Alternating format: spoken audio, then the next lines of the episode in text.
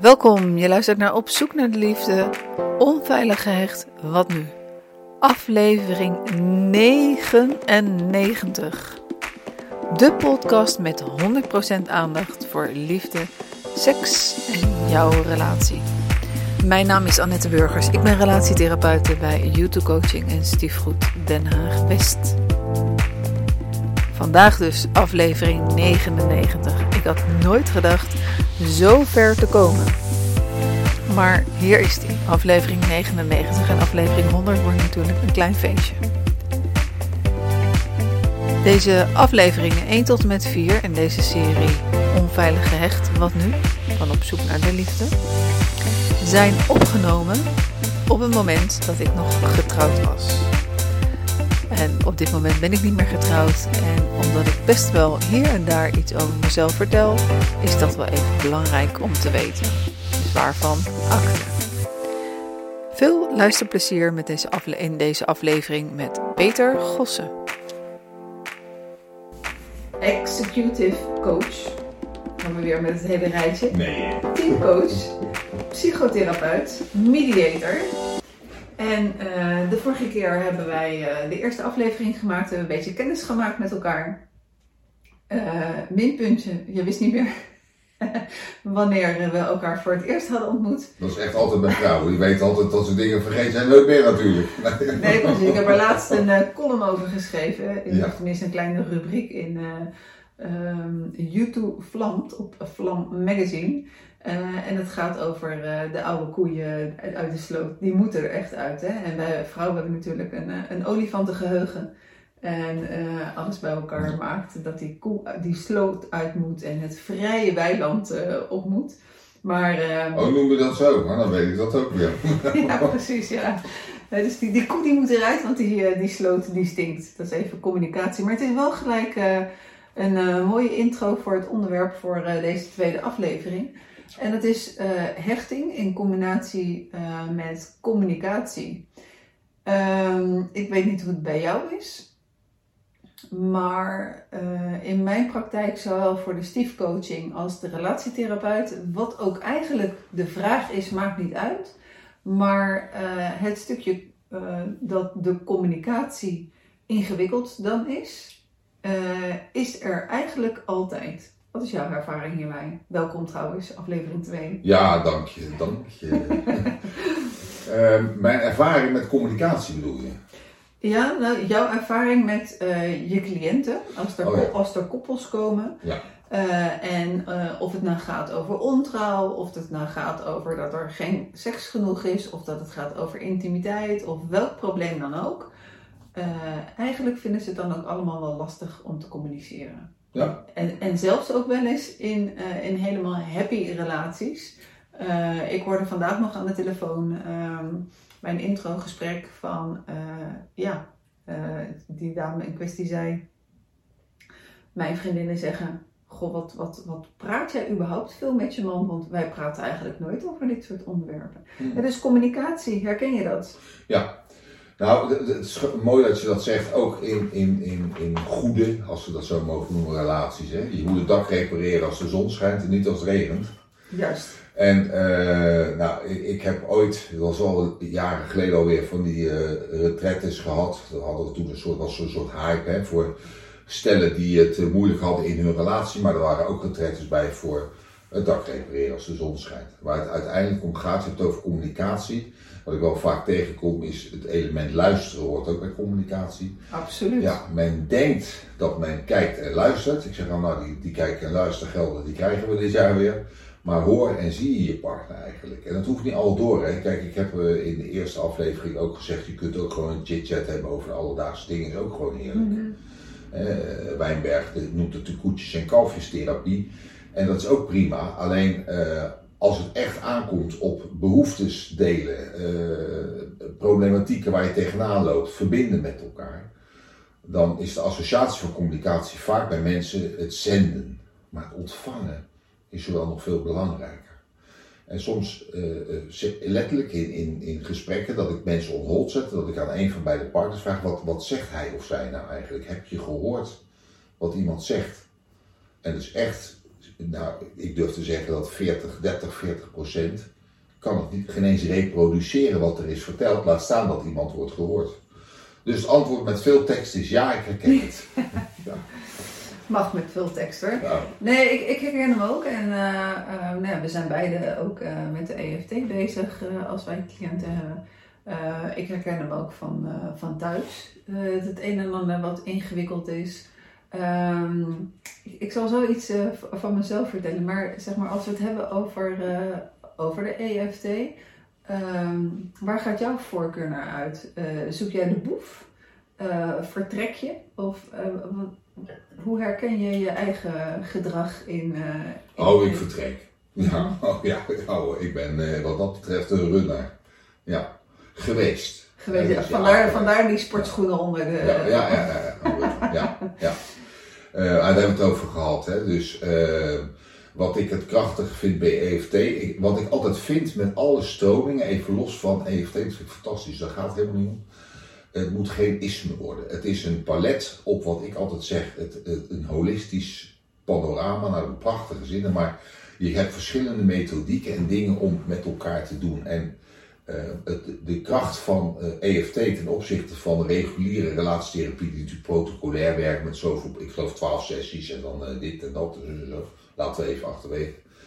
eh, is dat er heel sterk wordt gekeken naar de drivers, naar de hechtingen, naar, de, naar het verleden waar het vandaan komt. En eigenlijk het mooiste stuk vind ik dat, en zo wordt het niet altijd benoemd, maar dat we in staat zijn om bepaalde patronen die we in het verleden, eh, ik zie jou ja gaan klikken, die we in het, ja, ook die we in het verleden nog niet hebben geheeld, hè? daar gaan we onze partner voor gebruiken. Dat is, al- dat is heel apart eigenlijk. Want ik denk dat, eh, nou, het, het initiatief is prima, alleen het moment en eh, de plek en de persoon is misschien wat anders. Ehm, en dan loopt het wel eens spaak. Dus eh, ehm, ik herken niet alleen bij mezelf, je vroeg iets over mij, het, het wegrennen. Maar ik, ik ken ook wel de mensen die, eh, ja, hoe zal ik het zeggen? Ik weet niet of je het boek Maskermaker kent toevallig. Mhm. Die een bepaald masker in hun relatie op hebben. Waarvan die, god, het zonde. Als je dat nou, dat masker heel even iets meer lucht geeft dan, nou dat. Ja. Ja. Heb ik het een beetje beantwoord zo? Ja, zeker wel, zeker wel. En ehm, wat, eh, wat, wat ik heel erg herken is, eh, ik heb ongelooflijk de neiging eh, om als ik ergens op aangesproken word om het kanon te keren, ofwel in EFT-termen om de boef, eh, de boef te zoeken. Van ja, maar nee, jij. Ja. Dus, eh, In Rotterdam zeggen ze, ben je aan het jijbakken? Ja, jijbakken, ja, jijbakken. hè? Ja. Ja, nou ja, dat stukje van, van als ik aangesproken word bij wijze van spreken van, goh, heb je nog geen eh, nieuwe was gedraaid? Dat ik zeg van, goh, eh, maar jij hebt zelf nog niet de was opgevouwen of zo, weet je? Of, Ja, eh, dat is een voorbeeld over de was. Zeg. Nee, ja, ik snap wel wat je bedoelt. Ja, Nee, dat is een beetje een grapje, maar ja, ja.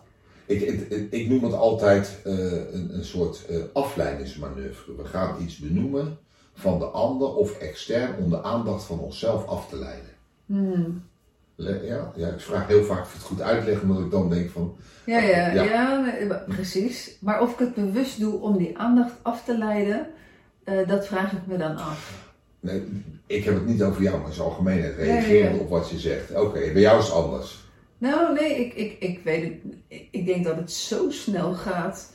eh, eh, dat, dat ik niet zoiets heb om het af te leiden. Ik vind wel heel erg mooi dat als je eenmaal met, eh, met koppels op deze manier eh, aan de slag gaat, dat het woordje responsiviteit. ehm, hè, van, jij zegt iets tegen mij, of, hoe je dat nou ehm, ja, hoe je dat nou faciliteert uiteindelijk wanneer je het gesprek gaat voeren. Of dat nou bij een coach is of een therapeut. Of je voert het eh, thuis op de bank. En dan zeg ik altijd van eh, hooguit één glaasje wijn, maar niet meer. Eh, want dan krijg je weer heel andere problemen met, eh, met de alcohol erbij. Maar het stukje, eh, en, dat, en dat lukt steeds beter bij mezelf. Want ik weet niet hoe dat voor jou is. Maar als ik thuis ehm, mijn, mijn therapeutenvaardigheden of mijn coachingsvaardigheden inzet. Dan nee, is dat het meen je niet. Dat ga je toch niet doen? dan, dan is het van, eh, van ja, eh, je bent nu niet aan het coachen. En op het moment dat ik in mijn eigen emotie zit, dan is het natuurlijk van, ja, doe je dat ook zo in de praktijk? Jij bent, jij bent, toch, jij bent toch de coach, jij bent toch de therapeut? Oh, Gert verdemmen. Nee, dat vind ik echt, dat is verschrikkelijk. Dus- Ja, ik, ik, mijn vrouw is natuurlijk ook psycholoog. Dus eh, die, die, die benoemt het niet meer. Die gaat heel vriendelijk naar me kijken en denkt, oh, oh, wacht even. Wacht even. Die zit in een andere rol. Ja. Nee, maar wat ik het lastige stukje daaraan vind zelf is, ehm, je voelt iets en je zit in je eigen emotie. En eh, vervolgens eh, voel je dat, voel je dat en ben je er bewust van. Maar om de ander te ontvangen, blijf je bij de ander. En het werkt. Het, het werkt als een tierenlier. Eh, maar als ik heel emotioneel ben, en dan vind ik dat, dat een van de grootste uitdagingen. Ja. Ken, ken je deze uitdaging ja. ook? Ja. Ja, ik, ik benoem het eigenlijk als een soort fenomenologische observatie, klets. Eh, is ja, wacht even, ik ga toch even. ik, doe eigenlijk een, een, een moeilijk woord en daarna doe ik op zijn Haags gewoon even vertellen hoe het zit. Dat Oké, is, maar. schakelmenu, zeg maar. Nee, maar fenomenologisch wil echt zeggen dat ook als mensen naar ons luisteren bijvoorbeeld, en ook als wij naar elkaar luisteren, heb je vanuit historie, eh, vanuit je referentiestructuur, opvoeding, et cetera, et cetera, heb je een, een, een mening, een oordeel, hè, gevoed door waarden en normen, et cetera. En als je fenomenologisch waarneemt, eigenlijk, dan ben je bewust, dan mag je dat oordeel hebben, maar je bent ook bewust dat het vertroebelt, heel eventjes. En ik, ik zeg wel eens tegen studenten ook van, want die zeggen, ja, dat is mooi, die theorie over de fenomenologische grondhouding. Ik moet even kijken hoor. Fenomenologische. Zeg ik het in één keer goed? Ja, Jee. nou, maar dit, nou, dit nemen we op, hè. Ja, dit is, eh, ja, de fenomenologische grondhouding. Ze zeggen, heb jij dat dan? Ik zeg, ja, eh, eh, ja en nee. Ik zeg, want ik evalueer echt wel mijn gesprekken, dat doe ik echt oprecht. En eh, ik kom er dan achter als ik het evalueer of reflecteer eigenlijk voor mezelf. Dat ik soms gewoon eh, in, in gesprekken denk, ja, dit was gewoon even suggestief mijn eigen mening. Ik denk dat wij dat in onze professies en, en iedereen die deze professie heeft zeker moet doen. Dat is de fenomenologische grondhouding is, dacht ik, les 1 tot en met 5 die ze krijgen. En dat blijft een gegeven. Dus eh, ik denk dat, ja, dat is het meest belangrijke. Ja. Ja, ik heb zelf ook wel eens, ik, ik, ik heb daar vreselijk om gelachen. Eh, de- ik gebruik ook de TA heel vaak met betrekking tot communicatie. Ach. Nee, ik zeg, ach, ik zie er al heel beeld bij. Oh, oh, oké. Nee, nee, nee. Nee, maar eh, en, en het stukje ehm, bij Stiefgoed hebben we het dan over eh, in Zwitserland met elkaar communiceren in plaats van als volwassenen. Want als de, als de ene volwassene tegen de andere zegt van zullen we nu eens als volwassenen gaan eh, communiceren met elkaar. Al, Dan zit je al als ja. kritische ouder, dus dan komt de ander al met weerstand. Dus dan is het vanuit mijn praktijk zeggen mensen dan van nou, we moeten de koffer pakken, gaan we naar Zwitserland toe. Maar inderdaad, luisteren naar je partner. En ehm, dat leg ik dan zo, nou, soms sommige weken drie keer, sommige weken twee keer, andere weken vier keer leg ik dat uit. En toen in een vorige relatie had ik mijn partner aan de telefoon en we waren in discussie, om het zo maar netjes te zeggen. En toen hoorde ik hem zeggen, mag ik ook wat zeggen? En toen zei ik, nee, je mag helemaal niks zeggen. Zie je nou dat in de eerste aflevering mijn herinnering aan jou als Spaanse furie toch wel redelijk past? Ik wil het dan niet direct herhalen, maar ik doe het toch even. Ja. Oh ja, maar herkennen we er ook wel in. Ja. Maar ik heb er later zo vreselijk om gelachen. Ja. Dat je denkt van, eh, ja oké, maar... En ook weer tegelijkertijd eh, heel goed van, oké, eh, ja, zo, zo, zo voelt het als, Ja. als de gemoederen, eh, als inderdaad het vuur door je ader- aderen loopt.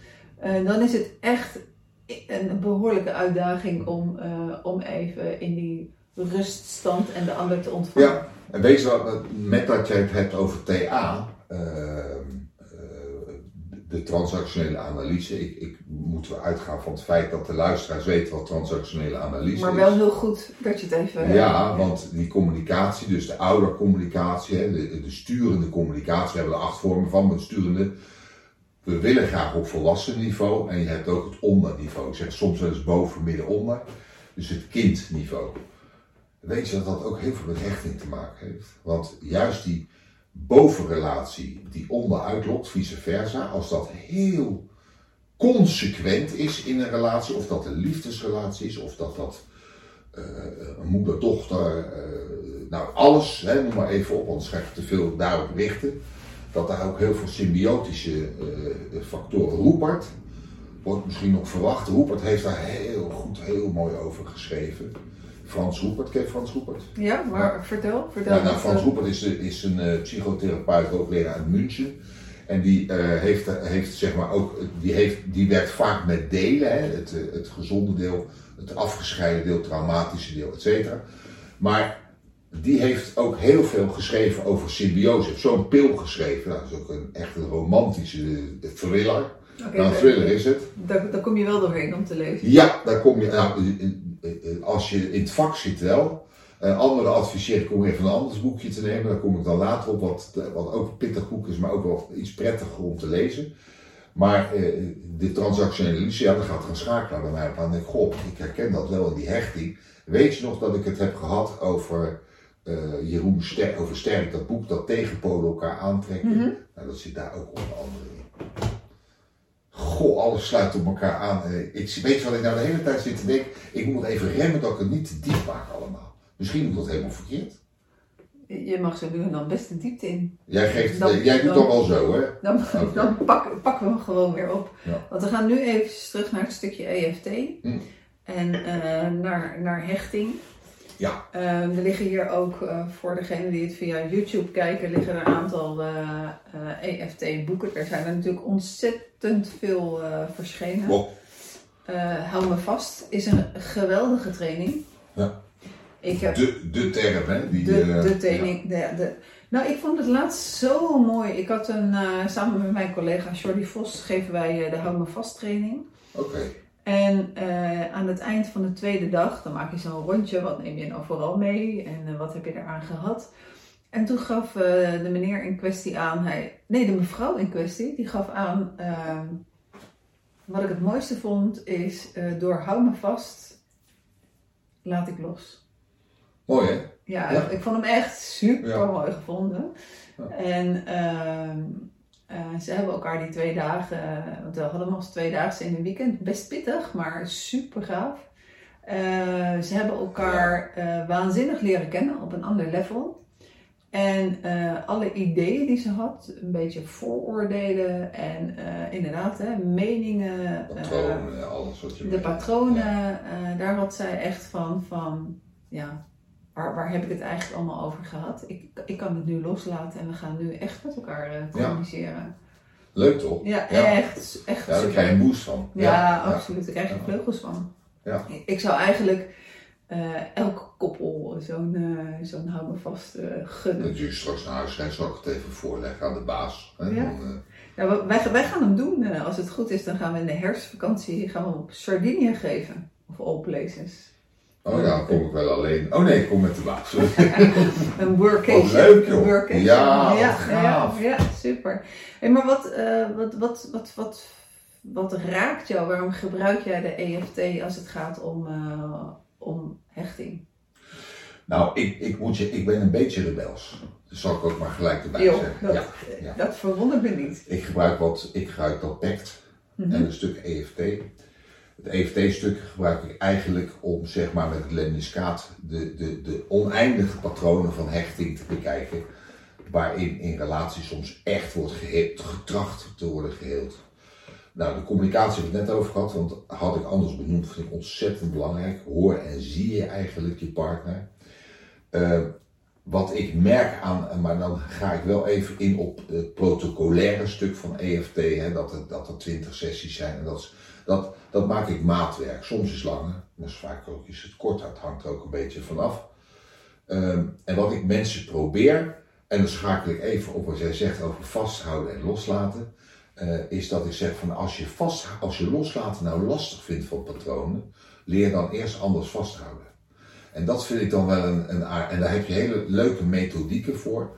En Kan je daar een voorbeeld van geven? Ja, Ehm, bijvoorbeeld, een, er was bij mij een man die had heel veel moeite om zijn vrouw, eh, zeg maar, ik zeg, hoe ga ik het even keurig zeggen, te, te laten, los te laten. Dus die wilde met vriendinnen wat doen. Maar zij had ook de behoefte om met eh, een andere man, zeg maar, eh, gezellig te verpozen. Meer niet. Dus dat is nou, waar, waar deze man echt heel veel moeite mee had, was dat ze met iemand van het andere geslacht. Nou, dan kunnen we natuurlijk alles onderzoeken. We hebben dat ook onderzocht. En dan zie je dat er, twee, dat er een soort vast patroon is van hoe het heurt, zeg maar, wat hij mee heeft gekregen. Uh, uh, ook nog ge, gevoed door twee broers die hetzelfde, die, die heuren ook, hè, zoals dat gaat. En, en dat hij nu eigenlijk, dat was zijn tweede relatie, hij, was, hij had iemand die ook meeging in hoe het heurt. Nou, dat was over. En hij zocht eigenlijk iemand met een meer vrije geest. Nou, die, die kreeg hij van het universum. Ja, zeg waarschijnlijk in ja, de... Ja, precies. En, en het, het bijzondere was dat deze vrouw, die ik twee keer heb gezien, want uh, daarna heb ik drie, vier keer met hem een sessie nog gehad. En daarna kwam ze weer terug. Maar deze vrouw was eigenlijk op zich best wel redelijk veilig gehecht. Die had helemaal voor de rest, die, die, die, die ging gewoon met iemand weg en dat zei ze en uh, einde discussie. Uh, wat, met, wat ik met hem heb gedaan, zeg maar, samenvattend, is dat ik echt bijzonder heb gekeken naar zijn gedachtenpatronen. Dus niet alleen zijn handelswijze, want zijn handelwijze was destructief, want hij flipte ook helemaal, zeg maar. Maar met name naar de sequentie, dus vlak voordat hij in zo'n patroon schiet. Wat denkt hij allemaal? Hè? Dus, en, en, hem leren accepteren dat die gedachten, en, en nu is heel bijzonder, dat die gedachten er eigenlijk gewoon bij horen. Dus er niet tegen strijden, ik hoop dat ik het goed uitleg, er niet tegen strijden, maar het patroon accepteren zoals het is, zodat je leert het herkennen en dat je het patroon best mag hebben, alleen dat de uiting van dat patroon moet veranderen. Leg ik het goed uit? Ja, je legt het goed uit, ik snap het helemaal, maar als je het dan combineren met de window of tolerance, dus er, dus er komt een moment waardoor die getriggerd wordt uh, en, en ja. eigenlijk dat desastreuze uh, gedrag gaat vertonen. Hoe, hoe heb je dat dan meegenomen? Hoe heb je van nou, de gedachte mag er zijn, uh, maar ergens is nog dat, dat triggermoment van wat doe ik er nu mee? Hoe, hoe heeft hij dat? Uh... Ja, maar dat, dat doe je, kijk, dan kom je op de therapie zelf, hè, dus je hebt het nu over het cognitieve gesprek. De somatic experience die daarin zit, waar ik, die term heb ik al eens laten vallen, hè, zit er in het feit dat je je gewaar wordt, wanneer als je toch je term hebt over window of tolerance, wanneer je naar de bovenste laag gaat in die window of tolerance, waarin je eigenlijk minder controle hebt in je gedrag. En, ik, en dat noem ik de sequentie. Dus vlak voordat je in dat patroon schiet, herkennen, wat doe jij nou eigenlijk? Of wat ervaar je eigenlijk dat je in dat patroon schiet? En daar kun je echt interventies op doen. Uh, zowel somatisch, als zeg maar dat je in het cognitieve gesprek met iemand daarover praat. Mijn ervaring is dat als je daarover praat met mensen, geeft het inzicht, mensen kunnen er iets van lezen, maar je hebt ook mensen die het moeten ervaren. Mm -hmm. En dat is het meest belangrijk. Het is een combinatie van. En daarom zeg ik eigenlijk, uh, en misschien zeg ik dat een beetje waar. Nou, laat ik het maar gewoon zeggen. Dus ik maak gebruik niet alleen van EFT, maar ook van PEC, die somatic experience. Wat gebeurt er bij jou? Welke gewaarwording is er in je lijf? Hoe oud is dit eigenlijk dat gevoel? Dat is een basisvraag die ik vaak stel. Hoe oud is het gevoel? Als mensen echt erin zitten en hoeven ze echt geen moeilijke hypnotherapeutische sessies bij wijze van spreken, ze kunnen voor zich uitkijken, hoeven geen eens de ogen te sluiten, ze zitten er zo in, in no time. Mm -hmm. en, en wat je vaak ziet, is dat zo'n gevoel heel oud is. Heel oud. Sterker nog, het is niet alleen een gevoel zoals we soms kijken naar de jeugd, naar patronen, maar het is soms een overdrachtelijk gevoel. Het is misschien geen eens van zichzelf. Nou, dan wordt het uh, nu al heel erg, maar ja, zo, zo is het wel. Ja. En hoe kom je dan van zo'n gevoel af? Je komt er niet zomaar vanaf, hè. Wat, we, wat wij graag als, als therapeut doen natuurlijk, ja nu gaan we draaien. Wat, ja, we graag doen, wat we graag doen als therapeut, is dat we met onze cliënt zorgen dat we er vanaf willen. Want weet je nog, Boeddha zei het lijden is niet meer willen wat je wel hebt. En vooral iets nieuws willen wat je nog niet hebt. En dan in de positieve zin. Maar wat nou als we het kunnen accepteren? Wat nou als je iemand leert te accepteren dat dit patroon, ja, dit is een schuivertje hoor, dit is even een nieuwe. Hè? Dit heet ACT. Ooit van gehoord? Nee. Acceptance Commitment Therapy. Prachtig aanvulling op de EFT. Wat nou als je iemand leert accepteren dat dit patroon onderdeel is van, in dit geval hem, hè, van hem. En dat dit best, dat de strijd om het los te laten, die mensen komen bij ons, maak vanuit die mensen komen bij ons en hebben ze al van alles geprobeerd, joh. Ze hebben gesprekken gehad, ze hebben ruzies gehad, ze hebben bijgelegd, et cetera. Want we constateren voor de luisteraar die echt kent, die kent de term, We zitten in een fucking creatieve hulpeloosheid. We hebben van alles geprobeerd het werkt niet, hè? Nee, dan leer je anders vasthouden. Wees milder voor jezelf. Dat wil niet zeggen dat je patroon de uiting ervan blijft doen, maar je kunt mensen leren twee dingen. Je ze meer leren, maar twee dingen. Acceptatie dat dit patroon bij hem, hoort, bij hem hoort. Ik pak even hem. Hè. En dat het misschien een gedachte is die in je hoofd is gefuseerd. Een fusie in je hoofd. Dus een huurcontract heb je afgesloten. Dus of het niet meer morgen. Ik zeg, dat gaat niet. Dus de huuropzeg duurt nog een maand of zes. Ik heb daarvoor gezegd. Dus je moet leren om het anders vast te houden. En als je dan bekijkt welke scenario's, bijvoorbeeld bij deze man, ik kan dat rustig vertellen, dat is een paar jaar geleden. Die had allerlei scenario's van wat gaat ze dan doen. Eerst de achterdocht, hè, de onveiligheid. Gevoed door ook uit het verleden, want hij had die ervaring bij ouders en nog eens bij een andere relatie. Uh, want zo werkt dat vaak, hè, de herhaling van patronen. De, de onveiligheid voelen. Uh, nou, de scenario's, ik zal de details niet vertellen van wat ze allemaal niet ging doen. Nou, hij had het, als ze dat allemaal had gedaan, had ze een wereldavond gehad, kan ik je verzekeren. al die dingen leiden ertoe tot een catharsis. Een plof. Puur uit onmacht en dat soort dingen. van jij doet mij pijn, doe ik je pijn terug. We kunnen er van alles van vinden, maar dit gebeurt. Hoef ik jou niet uit te leggen. Dit gebeurt. Tenminste, ze komen bij mij, ze zullen bij jou in zekere zin en bij collega's die hier misschien naar luisteren ook zitten. Ook komen. Ja. En daarom vind ik het holistisch perspectief van EFT, maar ook het echt wil je nog wel eens een keer uh, buiten de show weer meenemen als je dat leuk vindt. Mhm. Dat kun je echt, dat sfeertje, dat kun je echt gebruiken. Dat is fantastisch. Als mensen iets meer leren, anders vasthouden en accepteren. Ik heb het echt, ik heb mijn hand op mijn hart, zelf ook geleerd. Het bevrijdt. Mhm. Maar kan je me meenemen in het stukje Um, hij, laten we deze casus gewoon nemen, want het is denk ik een heel goede casus. Ja. Um, dat iedereen het snapt van, uh, oké. Okay, ik heb tot een hele iets verteld van nog past. We beginnen opnieuw. we gaan het gewoon proberen. We gaan gewoon proberen, Peter. Ja. Hij, uh, hij gaat er anders uh, naar leren kijken. Hij gaat het anders voelen.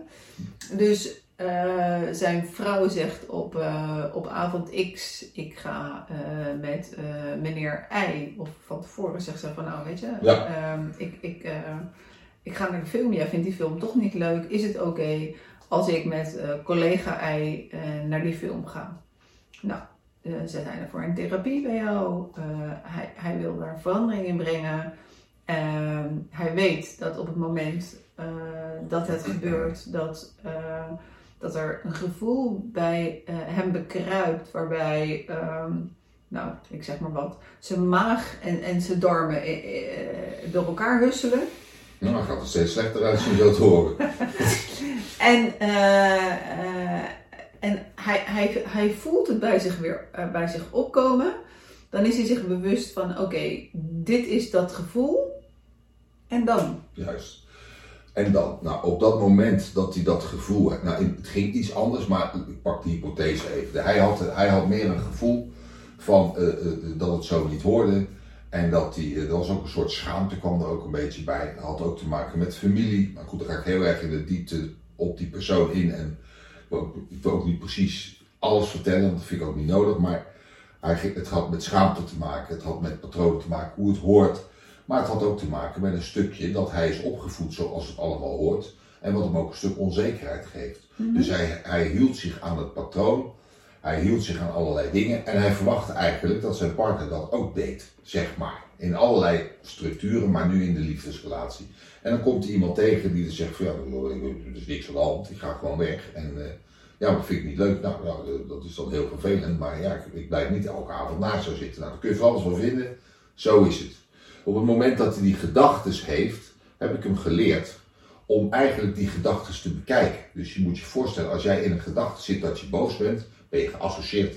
Voel je ook die emotie in een split second, hè, de geest, et cetera, bla bla bla. En dan voel je super sterk, want uh, boosheid is natuurlijk ook een waanzinnig krachtige emotie. Ja, het kan een constructieve emotie zijn en toch ook een iemand destructieve emotie. Het hangt er vanaf hoe je hem inzet en niet hoe je hem uit. Uh, maar ik ben het met je eens. Kan ook een krachtig iets zijn, kan ook grenzenstellend zijn, et cetera. In dit geval niet. Dus op het moment dat ik iemand leer om die, uh, die gedachte, ik was even trouwens, om die gedachte zeg maar te bezien, daar zijn oefeningen voor, dus dat je ernaar kijkt, letterlijk je gedachte, en erachter komt dat het slechts een gedachte is, die veroorzaakt wordt door iets wat je in het verleden wil, hebt meegemaakt en eigenlijk wilt voortzetten, dat je eigenlijk dat stukje, en nu komen we weer vanuit het verleden, wilt helen of wilt handhaven, helen en handhaven in je relatie, dan kun je het in beweging zetten. En mensen leren dat. Mensen mm. leren het echt. Ja, ik, ja, dat. Mm. En het feit ook dat je natuurlijk dat je een gedachte kan hebben. Ik vind het altijd uh, een heel mooi uh, gedicht van Rumi, De Herberg. Ken ik niet. Nee? Nee. Nou, dan ga ik je die geven. Dan ga ik je die sturen. Ja. Uh, maar de, het komt erop neer dat al je gedachten en al je gevoelens, uh, die zijn even te gast. Maar je bent niet je gedachten en je gevoelens.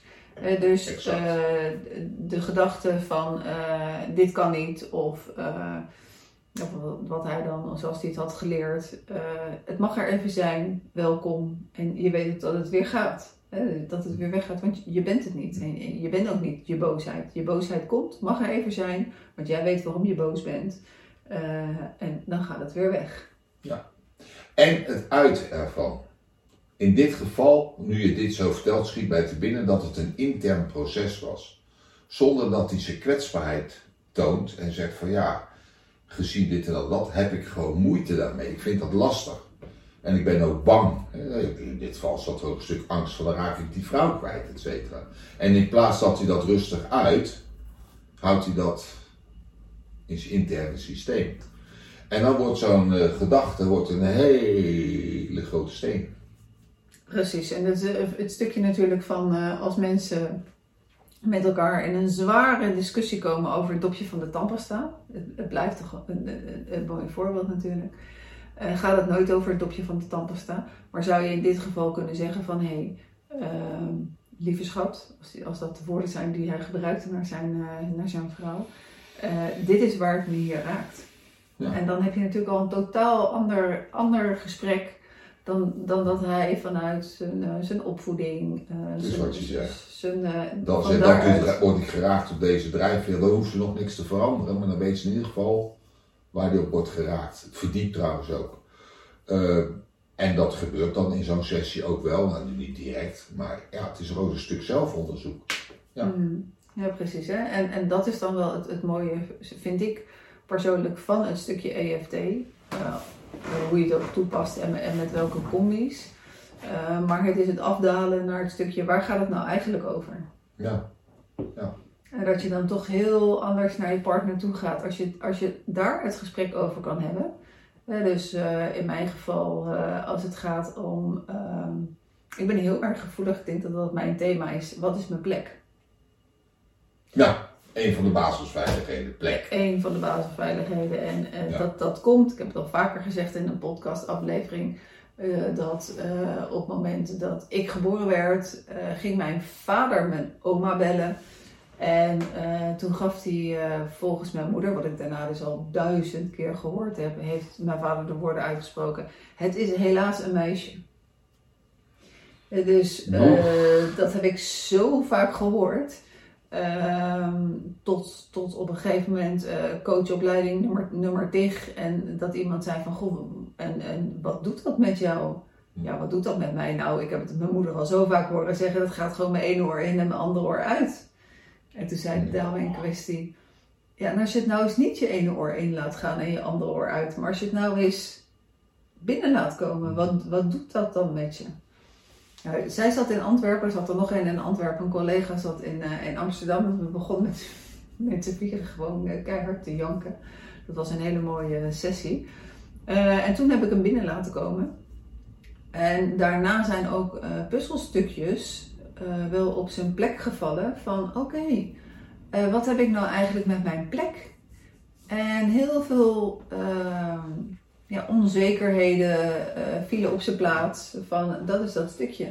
waarom vertel ik het? Omdat dat stukje van het, het stukje onveilig gerecht, het stukje wat je dan ook uiteindelijk geframed krijgt door uitspraak van je moeder, Ehm, dat maakt mij wel gevoelig in een relatie, eh, zeker in een samengesteld gezin.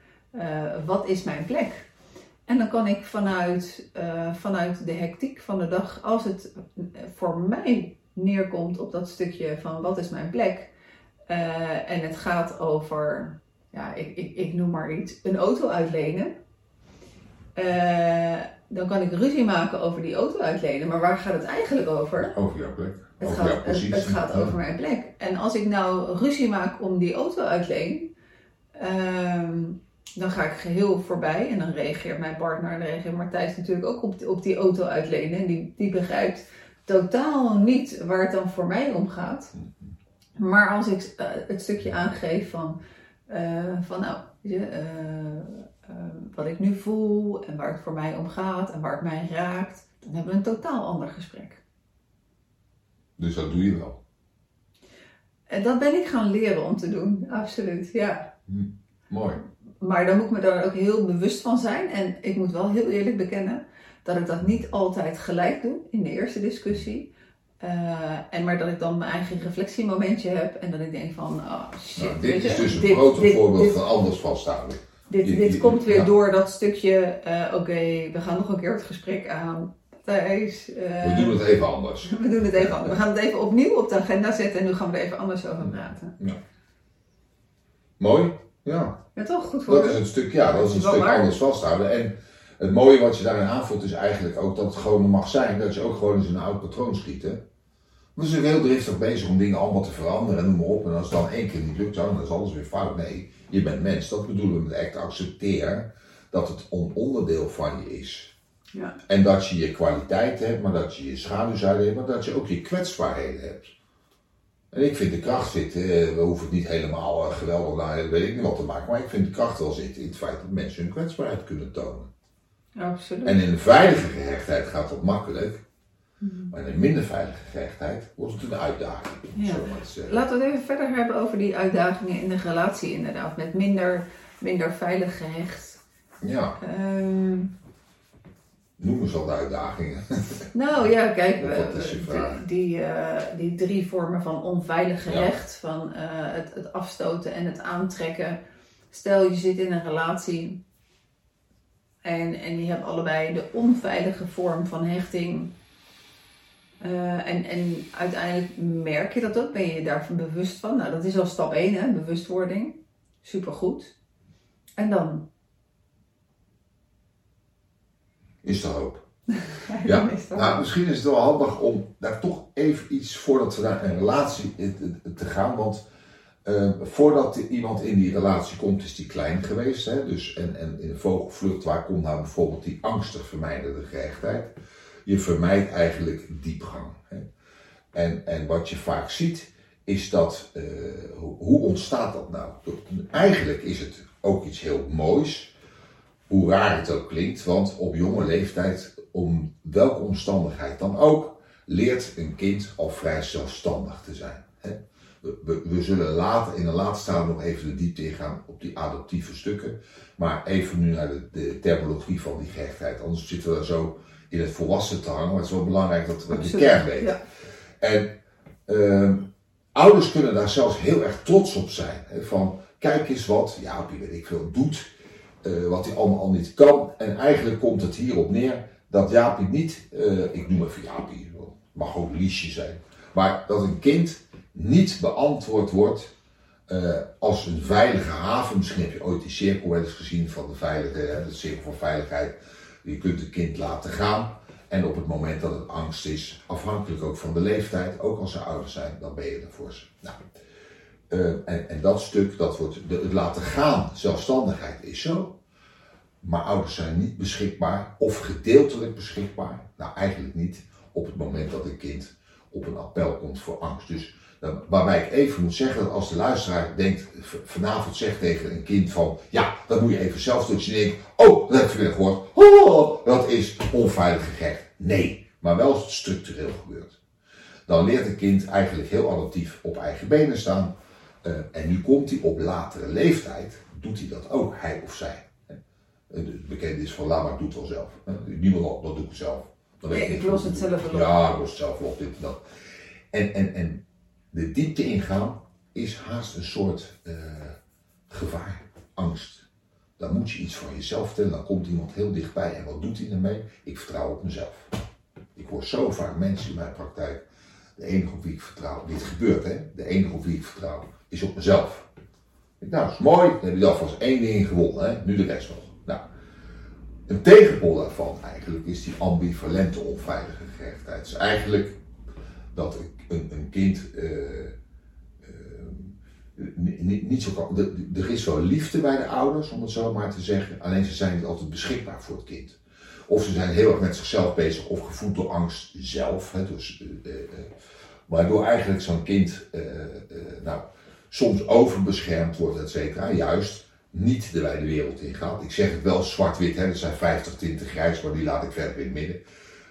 waardoor eigenlijk een soort verstikkingspatroon is. De angst om verlaten te worden. Ik, ik, ik ga je, mag ik een voorbeeld geven? Ja, ik... stop mij maar eventjes. Nee, nee, nee, maar onthoud je waar je was? Ja, absoluut.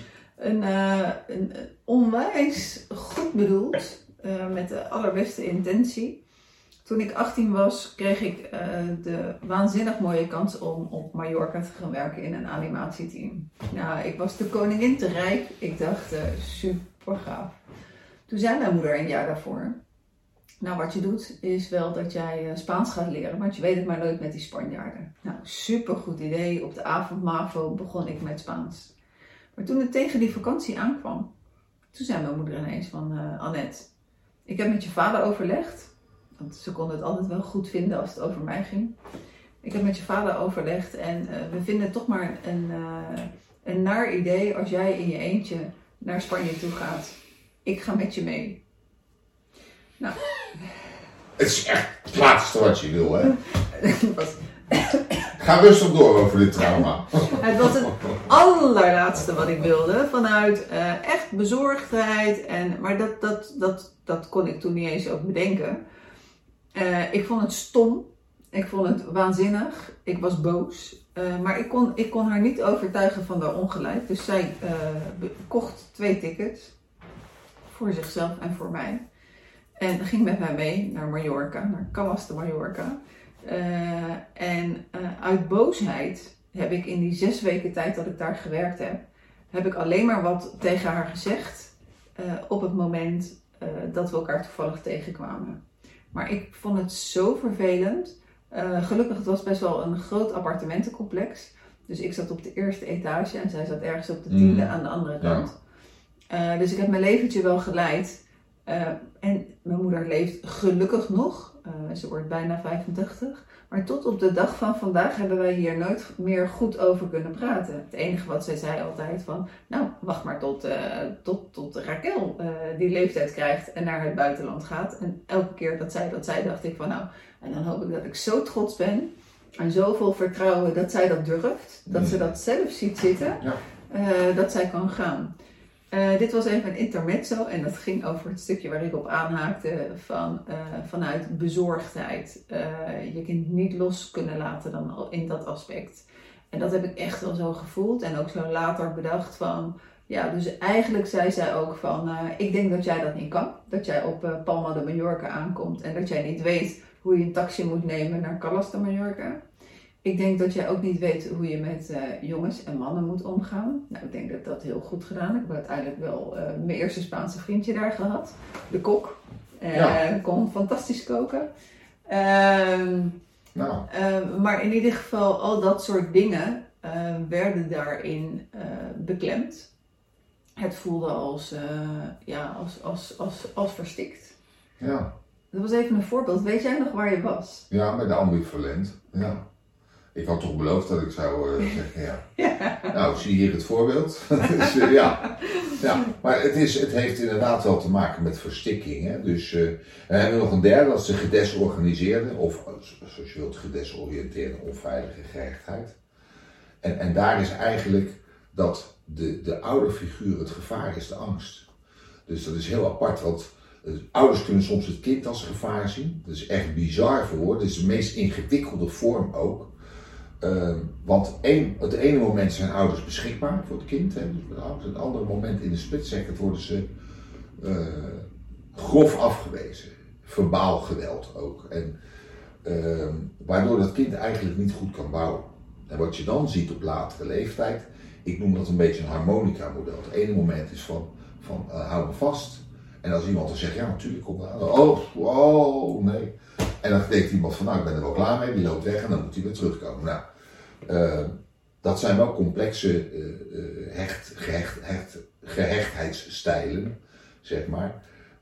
En ik denk dat als, je, dat, als we nu alleen over, dat hebben we dus nu ook gedaan, we een beetje gekeken naar de oorsprong ervan. Je kunt natuurlijk zat vinden op internet als je dat allemaal wil lezen. En er zijn zat boeken ook om daarover te lezen.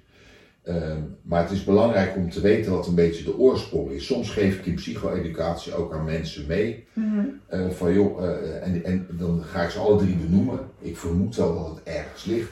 Maar iemand knikt ook. Hetzelfde wat jij eigenlijk doet met dat voorbeeld. Nou, dat is dan één voorbeeld. Uh, wat waarschijnlijk ook gebaseerd is, als ik het hoor, op, op meerdere voorbeelden. Dat dit een, één van de uitingen is. Hè? Want als toevallig moeder een keer één keer zo'n dan komt ze er zelf lachen dat misschien zo handig is. Maar dat, het is dan had ik er misschien op gelachen. Ja, ja, maar zo heurt het. Hè? Dus uh, nou, daar gaan we. Ja, dat ja, is ja, ja precies. Ik moest ook met een priem uh, gaan fietsen s'avonds. Met een priem? Met een priem. Mijn moeder gaf mij een priem mee. Zei, je weet maar, je weet, je weet maar nooit. Ja.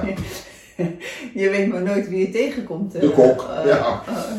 S'nachts in, in Nederland. Nee, dat was op de fiets Oh, hier. oké, in Nederland. Maar wa waardoor ik in ieder geval jarenlang met angst door Den Haag s'avonds Ja. gefietst. Wat niet mijn angst was, maar wel de angst overgenomen van mijn Bizar, moeder. Ik, ik, ik zat over mijn moeder. Mijn moeder die stond te krijsen in een strandtent.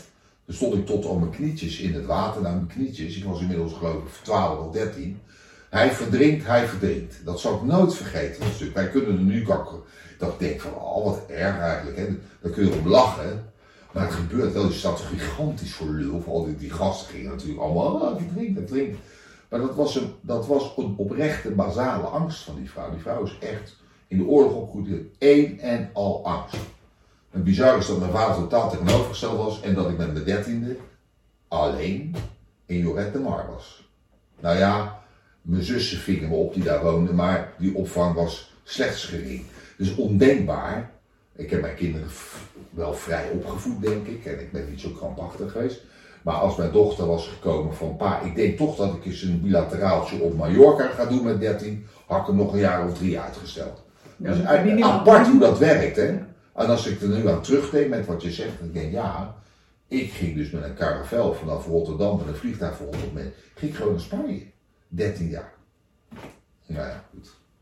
Dan gaat hij niet over alle theatrale, historische dingen hebben, want er zitten die mensen ook niet op te wachten. Maar het is wel, het, het, het is nog ineens bewust geweest, en dat wil ik eigenlijk duiden met patronen bij mensen, dat er bewuste dingen zijn, want dan zouden we allemaal de parent blaming weer doen.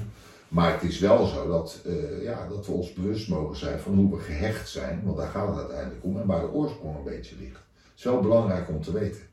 Ja, precies. Dus z- zeg je nou ook van, eh, dat we het iedereen wel aanraden om, eh, om even de test te doen? Om, om voor de zelfkennis? Als je dat leuk vindt, Ja, toch? Dan is het wel heel erg leuk. En dan zou ik een aantal testen doen. Je hebt natuurlijk allemaal verschillende weer.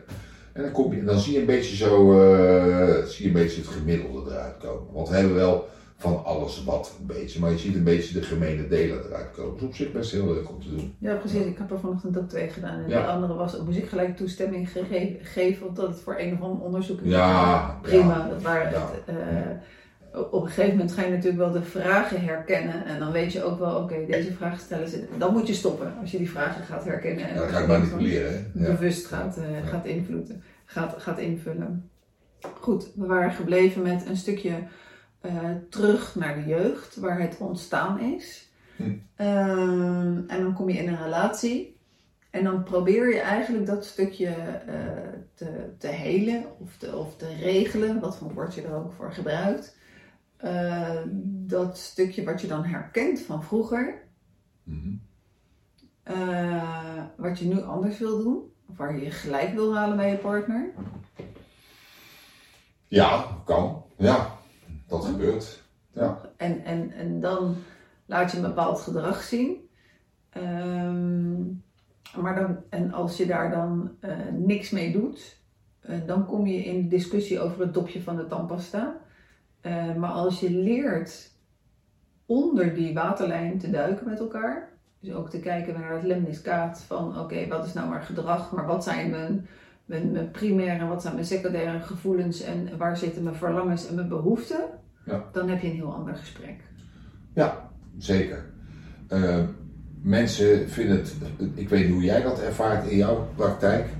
En mensen die bij mij komen vinden het soms wel of regelmatig lastig om over die verlangens te praten.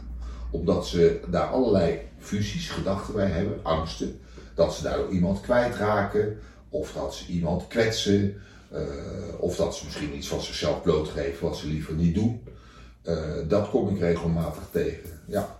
Het is heel mooi dat uh, als je kijkt naar het systemische werk, dan maak ik even een uitzwaaiertje. Dus, ik geef niet systemisch, kan er gewoon bij. Ja, Dr. Hellinger uit oude Bayern, hè? Met zijn grote lederhoze broek aan.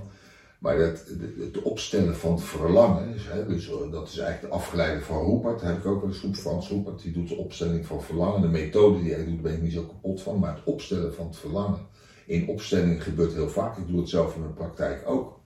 Uh, staat een beetje los van EFT, maar past wel als aanvulling, holistisch gezien erop.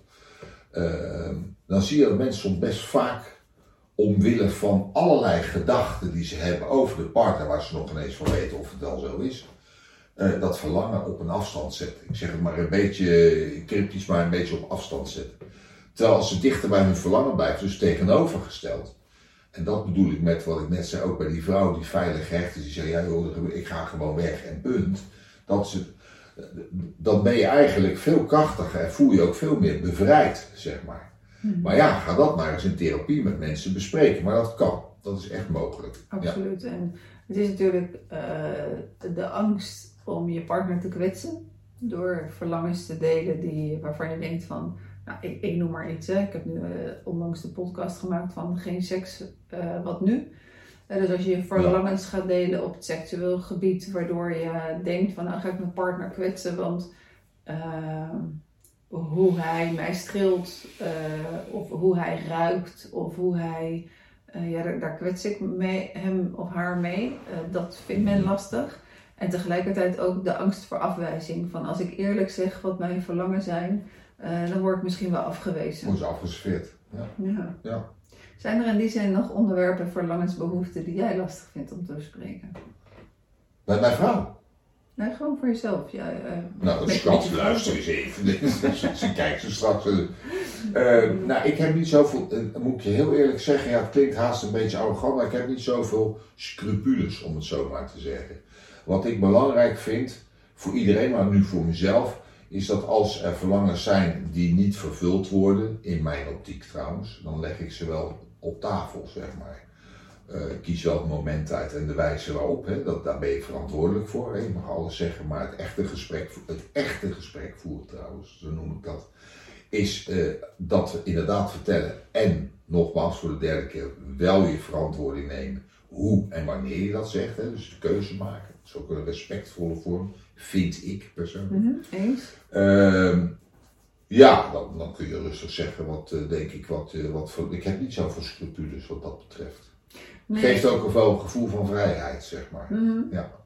ik, ik zeg ook altijd, want uh, ik herken hem ook vanuit de praktijk, ook vanuit mezelf. Ehm, vanuit het stukje van, nou, ik heb dat verlangen, ik heb, dat, ik heb die behoefte. Of je er wat mee doet, dat is aan jou. Maar dan Ja. weet je in ieder geval dat ik dat verlangen heb. Ja, nou, dat is, eh, ik wil nog op aanvullen. Een, een vriend van me, ik heb, ik heb eh, niet zo'n grote vriendenschaar, maar ik heb wel twee hele goede vrienden, al jaren, heel lang. En we hebben een soort gesprek erover gehad. Ik haal het even uit de context nu, dat ene stukje dat hij tegen mij zegt. Ik heb een vrij jonge vrouw, hè, die is een stuk jonger als dat ik ben. En eh, dat hij zei van, goh, ben je, ben dan niet bang dat ze op een gegeven moment, en dat was, nu gaat het uit de context, hè, maar gewoon in een gesprek, eh, dat ze haar oog op een ander laat vallen. Hè? Dus als ze weg is, bijvoorbeeld de avond, of wat is nou buiten, buiten dat. Ik zei, nou, is dat avondje weg niet voor nodig. Ik zeg, want wij hebben allebei ons eigen bedrijf en we zijn nogal wat uren en, en eh, soms in een hotel wat zijn we weg. Hè? Dus uh, tenminste ik dan. En, eh Tora die heeft ook een eigen bedrijf. Maar we verschillen wel in leeftijd. Nou ja, ik ken die angst niet zo eigenlijk eerlijk gezegd. Want als dat zo zou moeten zijn, dan gebeurt het toch. Dus ja, dat, dat soort. En, en die zegt: spreek je daar dan wel over? Nou, daar spreek ik niet over, omdat het geen issue is bij mij. We hebben het er natuurlijk wel eens een keer over gehad, et cetera. Maar ja, ik krijg nog steeds te horen dat, ze, dat ik toch jonger eh, bezig ben als ik. Dus het zal wel meevallen. Maar ja, dat zijn wel dingen die je dan met elkaar, even persoonlijke nood natuurlijk, maar eh, ook omdat jij iets vertelt, dat is wel, ja, dat zijn wel dingen die je bezighoudt. En als je dat gewoon openlegt, is het prima. En als het me niet bezighoudt, want in dit geval houdt me niet zo bezig. Mhm. Nee, ik voel me wel redelijk vrij. Ja. Nee, maar precies dat, hè, weet je. Dus eh, wat, er, wat ik merk is dat, eh, dat er vaak wel een verwachting achter zit. Hè? Dus als ik het uitspreek, als ik bijvoorbeeld tegen, eh, tegen jou, wij- zijn nu in, in gesprek met elkaar, Ja. dus even tegen jou. Eh, als ik tegen jou zeg van nou, ik heb, eh, ik heb de behoefte, eh, het moet even heel lastig om Nou, Annette, ik zet even mijn glaasje weer neer. Als jij mij nou eens even vertelt wat jouw behoeftes zijn. Ja, mijn behoefte, ik, Ja, maak, ik maak het. mezelf moeilijk omdat ik Ja. zeg nou, dan, dan zeg ik hem tegen jou. Ik plaag Dus maar. ik- ja, nee, nee, nee. Dus ik pak hem weer even terug. Zo, nou, stel dat ik tegen, tegen Matthijs eh, zou zeggen van nou, ik, ik heb de behoefte om, ehm, nou, om, om, eh, om elke, ik ik, het eerste voorbeeld, ik moet even kijken of die wel goed is hoor. Ik heb de behoefte om elke keer als ik vakantie heb, om samen met jou op vakantie te gaan. Of je er nou wat mee wil, ja of nee. Eh, dan vinden mensen het lastig in dit geval van oké, maar of de partner vindt het dan lastig, want die voelt de verwachting. En wat nou als je dat niet doet? En dat is het voor mij niet. Daar, daar voel ik een, een essentieel verschil op het moment dat ik de verwachting uitspreek. Eh, van nou, ik, ik zou het super fijn vinden. Ik heb echt het verlangen dat eh, elke keer als ik een schoolvakantie heb, eh, dat wij dan samen weggaan. Dan, dan, heb ik het, dan is het gewoon het universum ingegaan en dan kan iemand het oppakken of niet oppakken. Eh, maar dat, dat is dan oké. Dan heb ik niet de verwachting dat daar ineens rekening mee gehouden wordt. Maar ik merk wel in de praktijk dat mensen dan denken van ja, Mm. dat, dat ze dat een beetje weerhoudt om die verwachting uit te spreken. Omdat dat een, eh, tenminste, dat, ik zeg het verkeerd, dat, dat ze als ze de verlangen uitspreken, dat het dan een verwachting wordt. Maar dat ja, is dat andere, het- ik probeer hem te plaatsen, dat, dat, dat het dan wordt geïnterpreteerd als zijnde een gesteld, gesteld, gestelde verwachting. Een gestelde Er wordt veel tekst, veel taal, maar een gestelde verwachting. Het is, is dat het een is soort van eis. voldongen feit. Ja, Ja. precies. Ja. En eh, terwijl dat niet zo is. Je kan gewoon zeggen, Nee, maar dat is ook een stukje in een relatie. Dat we allemaal het idee hebben dat we allemaal aan elkaars uitingen en verwachtingen hoeven voldoen. Dus jij tegen mij zegt, we hebben net wel een grapje van. En wij hebben een relatie en je zegt, ja, ik wil het eigenlijk zo heerlijk vinden als we iedere schoolvakantie samen zijn.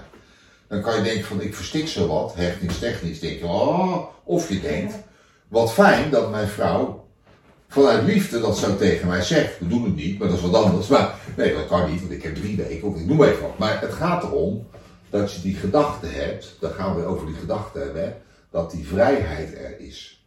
En misschien dat het wat voor, voor de luisteraar wat complex klinkt, maar, of niet, weet ik niet, maar ehm, mensen vullen vaak in.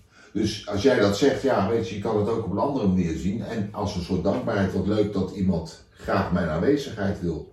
Punt. precies hè. En dat brengt er gelijk weer een, eh, een ander stukje met zich mee. Ja, laatste we hebben het een beetje voorbereid ook goed, hè? Nee. Nee. ook wat te kleppen. Nee, helemaal niet. Dat is helemaal goed. Maar we, we gaan een beetje naar de afronding van Oh. eh, deze tweede aflevering. tijd, de, de tijd Oh. vliegt. Maar eh, het, het brengt ook iets anders met zich mee, wilde ik net zeggen. En dan Ja. ben ik er gewoon alweer helemaal kwijt. Nou, dan ben ik toch blij omdat ik jou dus eventjes mooi uit de positie heb.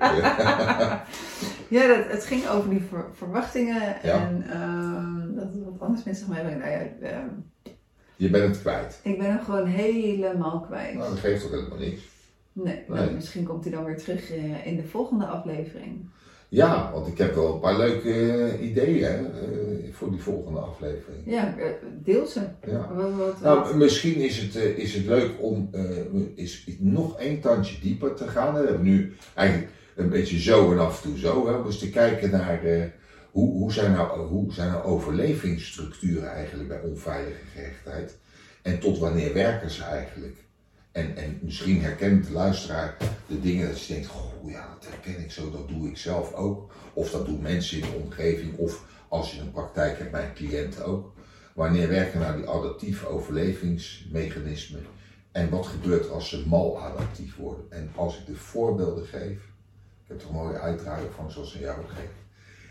Ik vond het heel verhelderend. Ja. Mhm. En dan zal ik daarna het boek vertellen. Maar eerst gaan we het even met elkaar bespreken. Vind je dat een idee? Ja, dat vind ik super goed. En dit is een uh, super mooie brug naar, uh, naar aflevering 3. Dan gaan we nu uh, aflevering 2 afsluiten. Dat betekent dat de luisteraar in ieder geval nog twee weken moet wachten op dit mooie thema, de overlevingsstrategieën. Um, om, om deze tweede sessie, nou, sessie tweede aflevering af te ronden, Peter. Ja. Ben je nog wat kwijt? Um...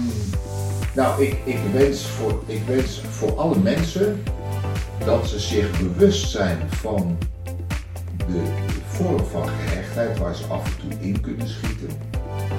Uh, don't fight, don't try so hard. Nou, dat is een hele mooie, daar is helemaal niks meer aan. Dat ik hem zo even uit mijn pols ram. Het staat hier ook helemaal nergens. Maar het is wel gemeend. Absoluut. Peter, dankjewel.